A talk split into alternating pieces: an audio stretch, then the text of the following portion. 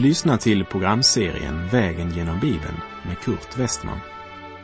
Programmet sänds av Transworld Radio och produceras av Norea Radio Sverige. Vi befinner oss nu i profeten Hagais bok. Slå gärna upp din bibel och följ med. Vi befinner oss fortfarande i profeten Hagai bok. Vi avslutade förra programmet med verserna 12 till och med 15 i kapitel 2 där det står så säger Herren Sebaot. Fråga prästerna vad lagen säger.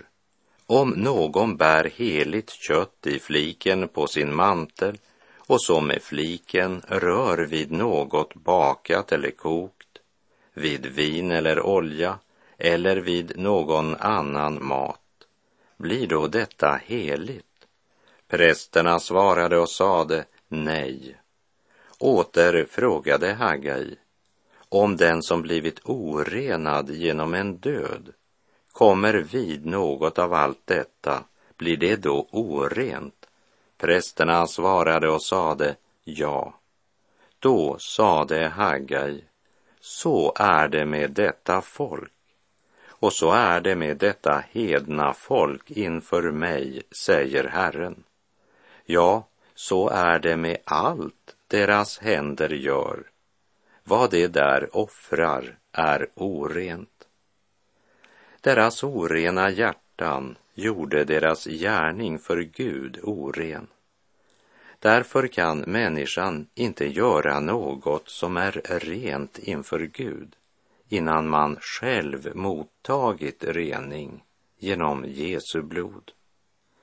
Och jag tror att Gud genom Haggai önskar uppenbara för sitt folk att det handlar mera om vårt hjärteförhållande än om tempelbyggnad och religiös aktivitet. För även om de hade återuppbyggt templet så var deras hjärtan fortfarande långt ifrån Herren. Herrens välsignelse hade burit liten frukt i deras hjärtan. Det är som om Gud ville säga, ser ni inte att jag har välsignat er? Har ni blivit mera upptagna av välsignelsen än av att leva med Herren? Vi läser Hagga i kapitel 2, vers 16 och 17. Lägg nu noga märke till det som sker från denna dag och framöver, innan man lagt sten på sten till Herrens tempel, hur var det då? Om någon kom till en sädesskyl som skulle ge tjugo mått, gav den endast tio. Om någon kom till vinpressen för att ösa upp femtio kärl, gav den endast tjugo. Gud säger, lägg märke till från denna dag. Gud talar om en konkret vändpunkt som är så tydlig att alla borde lägga märke till det om de bara brydde sig lite grann. Trots alla svårigheter och prövningar de mött hade de inte vänt om till Herren. Men genom profeten Haggai hade Herren gett följande befallning. Haggai 1, vers 8. Gå upp till bergen, hämta trävirke och bygg upp mitt hus. Så ska jag glädja mig över det och visa min härlighet, säger Herren. Och nu ber Herren folket om att noga lägga märke till om det blev någon förändring efter att man påbörjat återuppbyggnaden av templet. Hagga i kapitel 2, vers 18 till och med 20. Jag slog er säd med sot och rost och alla era händers verk med hagel. Och ändå vände ni er inte till mig, säger Herren. Lägg nu noga märke till det som sker från denna dag och framöver, från den tjugofjärde dagen i nionde månaden, från den dag då grunden lades till Herrens tempel. Finns någon säd ännu kvar i kornboden? Nej, och varken vinstocken eller fikonträden eller granatträdet eller olivträdet har ännu burit någon frukt. Men från denna dag skall jag välsigna. Från denna dag. Det talar om en konkret förändring. Och tiden det ska ske fastställs mycket klart och tydligt från den tjugofjärde dagen i nionde månaden. Men om välsignelsen började då, hur kan Gud då fråga? Finns någon säd ännu kvar i kornboden? Eller påstå att varken vinstock eller olivträd ännu burit någon frukt? Gud säger inte att välsignelsen ska börja den 24 dagen i nionde månaden. Gud säger att de ska lägga märke till vad som skett från den dag de la grunden till Herrens tempel. Trots detta finns ingen säd i kornboden. Men nu, när de har vänt sig till Herren, från denna dag skall Gud välsigna. Det handlar om något långt mer än ett tempelbygge.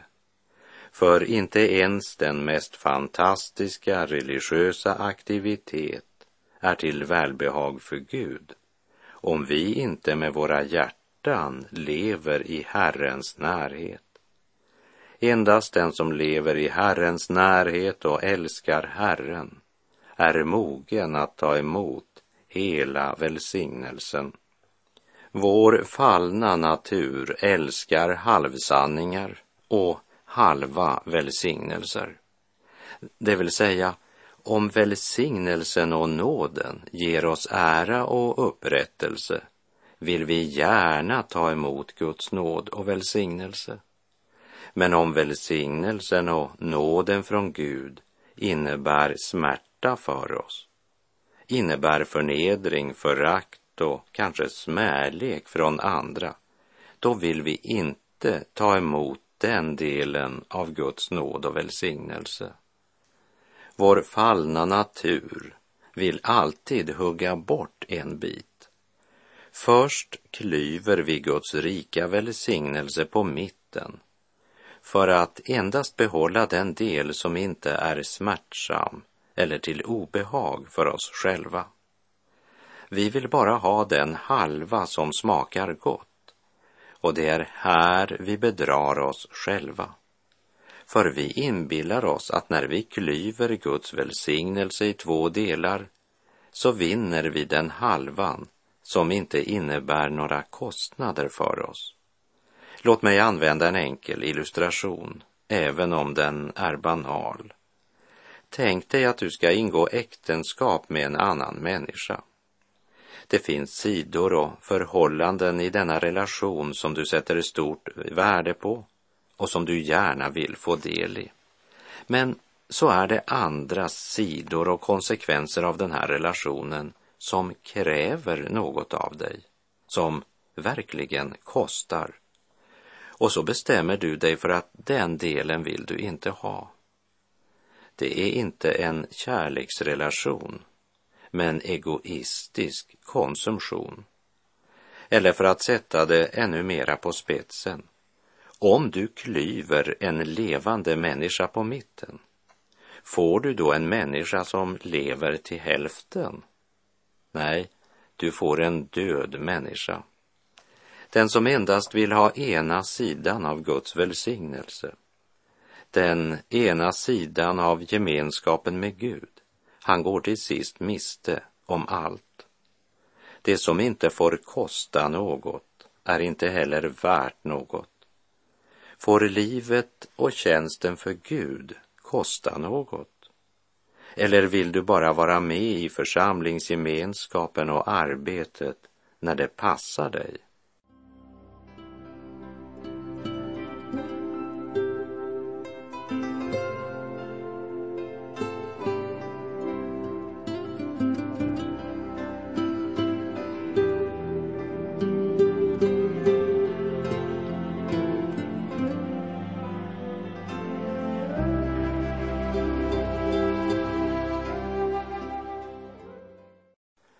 Innan vi går vidare och avslutar vår vandring genom Haggai bok vill jag som en parentes angående två sidor av Guds nåd få nämna Maria och Elisabet som vi läste om i Lukas evangeliets första kapitel.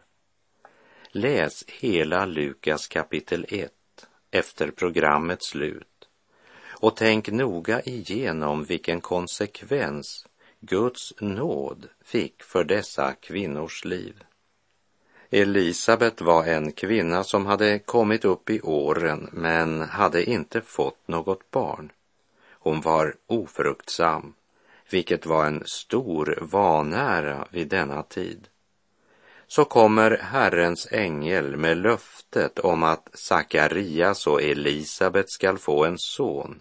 Jag citerar Lukas 1, vers 24 och 25. Någon tid därefter blev hans hustru Elisabet havande och hon visade sig inte öppet under fem månader. Hon tänkte, detta har Herren gjort med mig när han såg till mig och tog bort min skam bland människor. Nåden från Gud, Guds ingripande, betydde återupprättelse för Elisabet. Skammen blev borttagen och hon fick uppleva att få den värdighet och aktning som hon så länge saknat. Men för Maria innebar den stora nåden från Gud att hon miste all ära, blev föraktad och förnedrad inför alla. 16 år och föda ett utomäktenskapligt barn. Hela hennes värdighet krossades. Nåden från Gud innebar smärta och förnedring. Josef skulle säkert tro att hon varit otrogen, för sanningen var ju alltför otrolig. Josef skulle lämna henne, familjen förskjuta henne och omgivningen förakta henne. Skulle hon verkligen säga ja till så mycket smärta och så många tårar, missförståelser, hat, hån och förnedring? Ängeln sa, Maria, du har funnit nåd hos Gud. Se, du ska bli havande och föda en son och du skall ge honom namnet Jesus.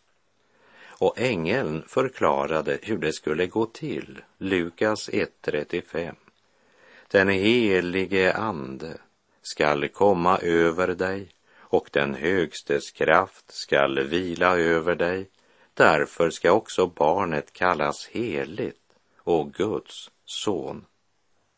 Hur svårt är det inte att ta emot den nåd som kommer att ge oss så mycket smärta, förnedring och lidande. Men hör nu vad Maria svarar. Lukas 1, 38. Se, jag är Herrens tjänarinna. Må det ske med mig som du har sagt. Och ängeln lämnade henne. Elisabet och Maria står som representanter för hela Guds nåd. Genom nåden tas skammen bort och vårt liv börjar bära frukt. Men med trons frukt följer också smärtan, missförståelsen, världens förakt. Kort sagt, korsets kraft och korsets smärta är oskiljaktiga. Men vår kötsliga natur vill helst bara ha nådens ena halva. Vi tänker lika dåraktigt som den gamle mannen som fått sin första strömräkning. Han hade gått så länge och önskat och väntat på att få elektriskt ljus i sitt hus, men han ville inte betala. Morgonen då strömräkningen hade kommit gick han runt i huset och klippte av den ena ledningen till alla lampor. Vad är det du gör? ropade hustrun. Han ser på henne med ett finurligt flin och så säger han, jo, jag behåller den sladd som ljuset kommer genom och så klipper jag bort den andra som går tillbaka till kraftbolaget som sänder räkning. Sedan demonstrerar han för frun genom att skynda sig att tända en av lamporna, men den förblev mörk. Nu förstår jag, sa mannen, jag har klippt fel ledning. Vi kan skratta åt mannens dårskap, men många människor tänker ungefär så i förhållande till Gud. Välsignelsen vill man nog behålla, men Guds fruktan och lydnad, det bryr man sig inte om. Andra har ungefär samma tankegång som den dåraktige mannens hustru. För hon resonerade så här. Klipper du den ena halvan av ledningen så får du visserligen bara hälften så stor räkning, men samtidigt också bara hälften så ljust. De flesta vet att en halv elsladd ger inte halvt ljus. Den ger ingenting. Men den fasta avgiften kommer ändå som ett brev på posten. Akta dig för halvnåd. Akta dig för halva sanningar. Och bekänn din synd för Herren som förlåter dig alla dina synder och skänker frid och evigt liv. Det är något som är viktigare än att bygga tempel och det är att leva i gemenskap med Gud, leva i ljuset.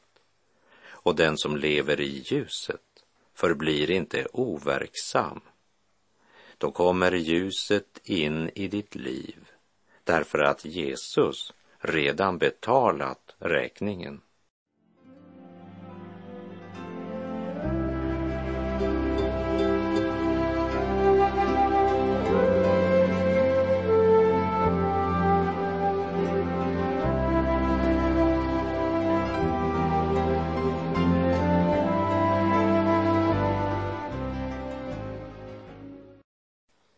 Läser Haggai 2, vers 21.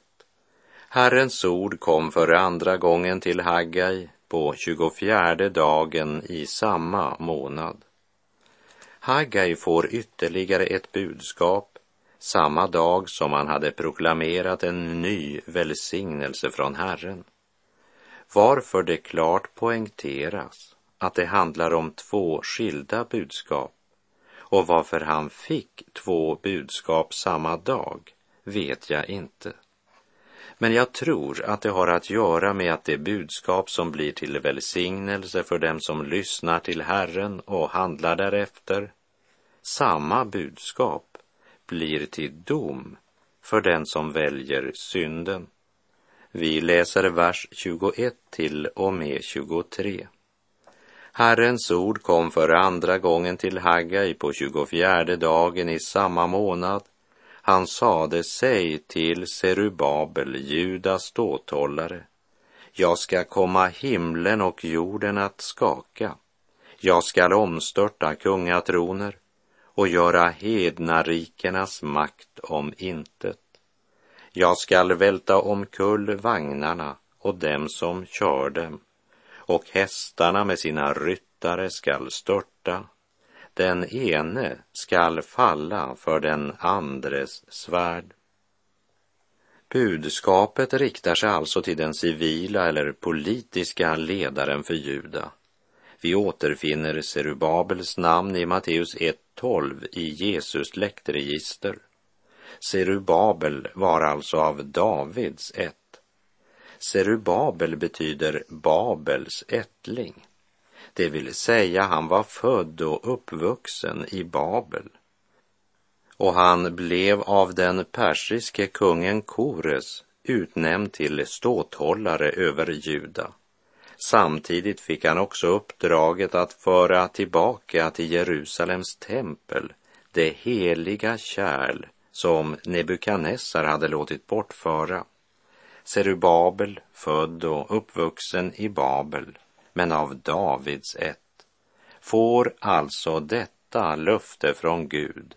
Herren säger att han ska omstörta kungatroner och göra hednarikernas makt om intet. Idag är det hedendom och ogudaktighet som regerar. Mammon står i centrum. Egoism, makt begär och personlig vinning behärskar de flesta. Guds bespottelse betraktas som underhållning och allt heligt hånas och trampas ner. Människan har gjort sig själv till Gud och synes triumfera. Men det är en falsk triumf som läggs i grus den dagen Herren gör hedningarnas makt om intet. Och när den allsmäktige, evige Gud talar om att han ska skaka både himlen och jorden så anar vi att det rör sig om en kolossal omvältning. För när himlen och jorden skakas så kommer också den lilla människan att skaka.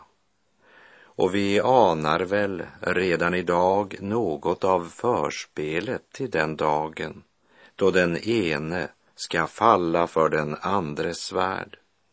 Det är redan nu en fruktansvärd verklighet för många, många människor som lever i krigets, hatets och hungersnödens terror samtidigt som omvärlden är ganska likgiltig. Med hast närmar vi oss dagen då Herren suveränt och totalt skall gripa in. Då den mest självsäkre skakas och darrar och detta framtidsperspektiv uppenbaras för Serubabel, vilket säger oss att Serubabel har del i uppfyllelsen av Herrens löfte om den utlovade Messias som ska komma när tiden är inne. Och som vi såg i Matteus 1, vers 12, så ingår Serubabel i Jesus släktregister. Löftet pekar fram mot tidsålderns avslutning. Gud kommer att få det sista ordet. Haggai kapitel 2, vers 24. På den dagen, säger Herren Sebot, skall jag ta dig, min tjänare Serubabel, Sealtiels son, säger Herren, och göra dig till en signetring Ty dig har jag utvalt, säger Herren Sebaot. Herren säger inte på den tiden, men på den dagen. Det pekar alltså fram mot vår tidsålders avslutning. Signetringen var ju symbolen på regentens makt. Den skrivelse som undertecknats med kungens signetring skulle följas helt och fullt och genomföras. Signetringen användes till brev och dokument och eftersom den gällde som kungens egen underskrift bar kungen ringen på sitt finger för att den inte skulle kunna missbrukas av andra. Signetringen var den absolut dyrbaraste av kungens ägodelar Därför är det oerhört starka ord när Serubabel genom profeten Haggai får följande budskap från Herren Sebaot. Jag ska göra dig till en signetring. Ty dig har jag utvalt. Som vi såg av Matteus 1.12 så tillhör Serubabel Davids ett. Gud lovar inte bara att Messias ska komma av Davids sätt, han skall också komma genom Serubabel. Och släktregistren både i Matteus 1 och i Lukas 3 stadfäster att Gud höll sitt löfte till Serubabel. Herren Jesus Kristus är lika mycket Serubabels son som vad han är Davids son. Matteus släkttavla börjar med Abraham och går fram till Herren Jesus Kristus genom David och Salomo. Jesu lagliga rätt till tronen kom genom Josef. Lukas släkttavla är annorlunda. Den är i omvänd ordning. Den går först tillbaka till David och sedan tillbaka till Adam. Lukas berättar Marias historia och ger oss hennes släkttavla, vilket stadfäster att även Maria tillhörde Davids ett. Davids kungliga blod flöt också i Marias vener och Jesu rätt till tronen på grund av blodsbanden kommer genom Maria.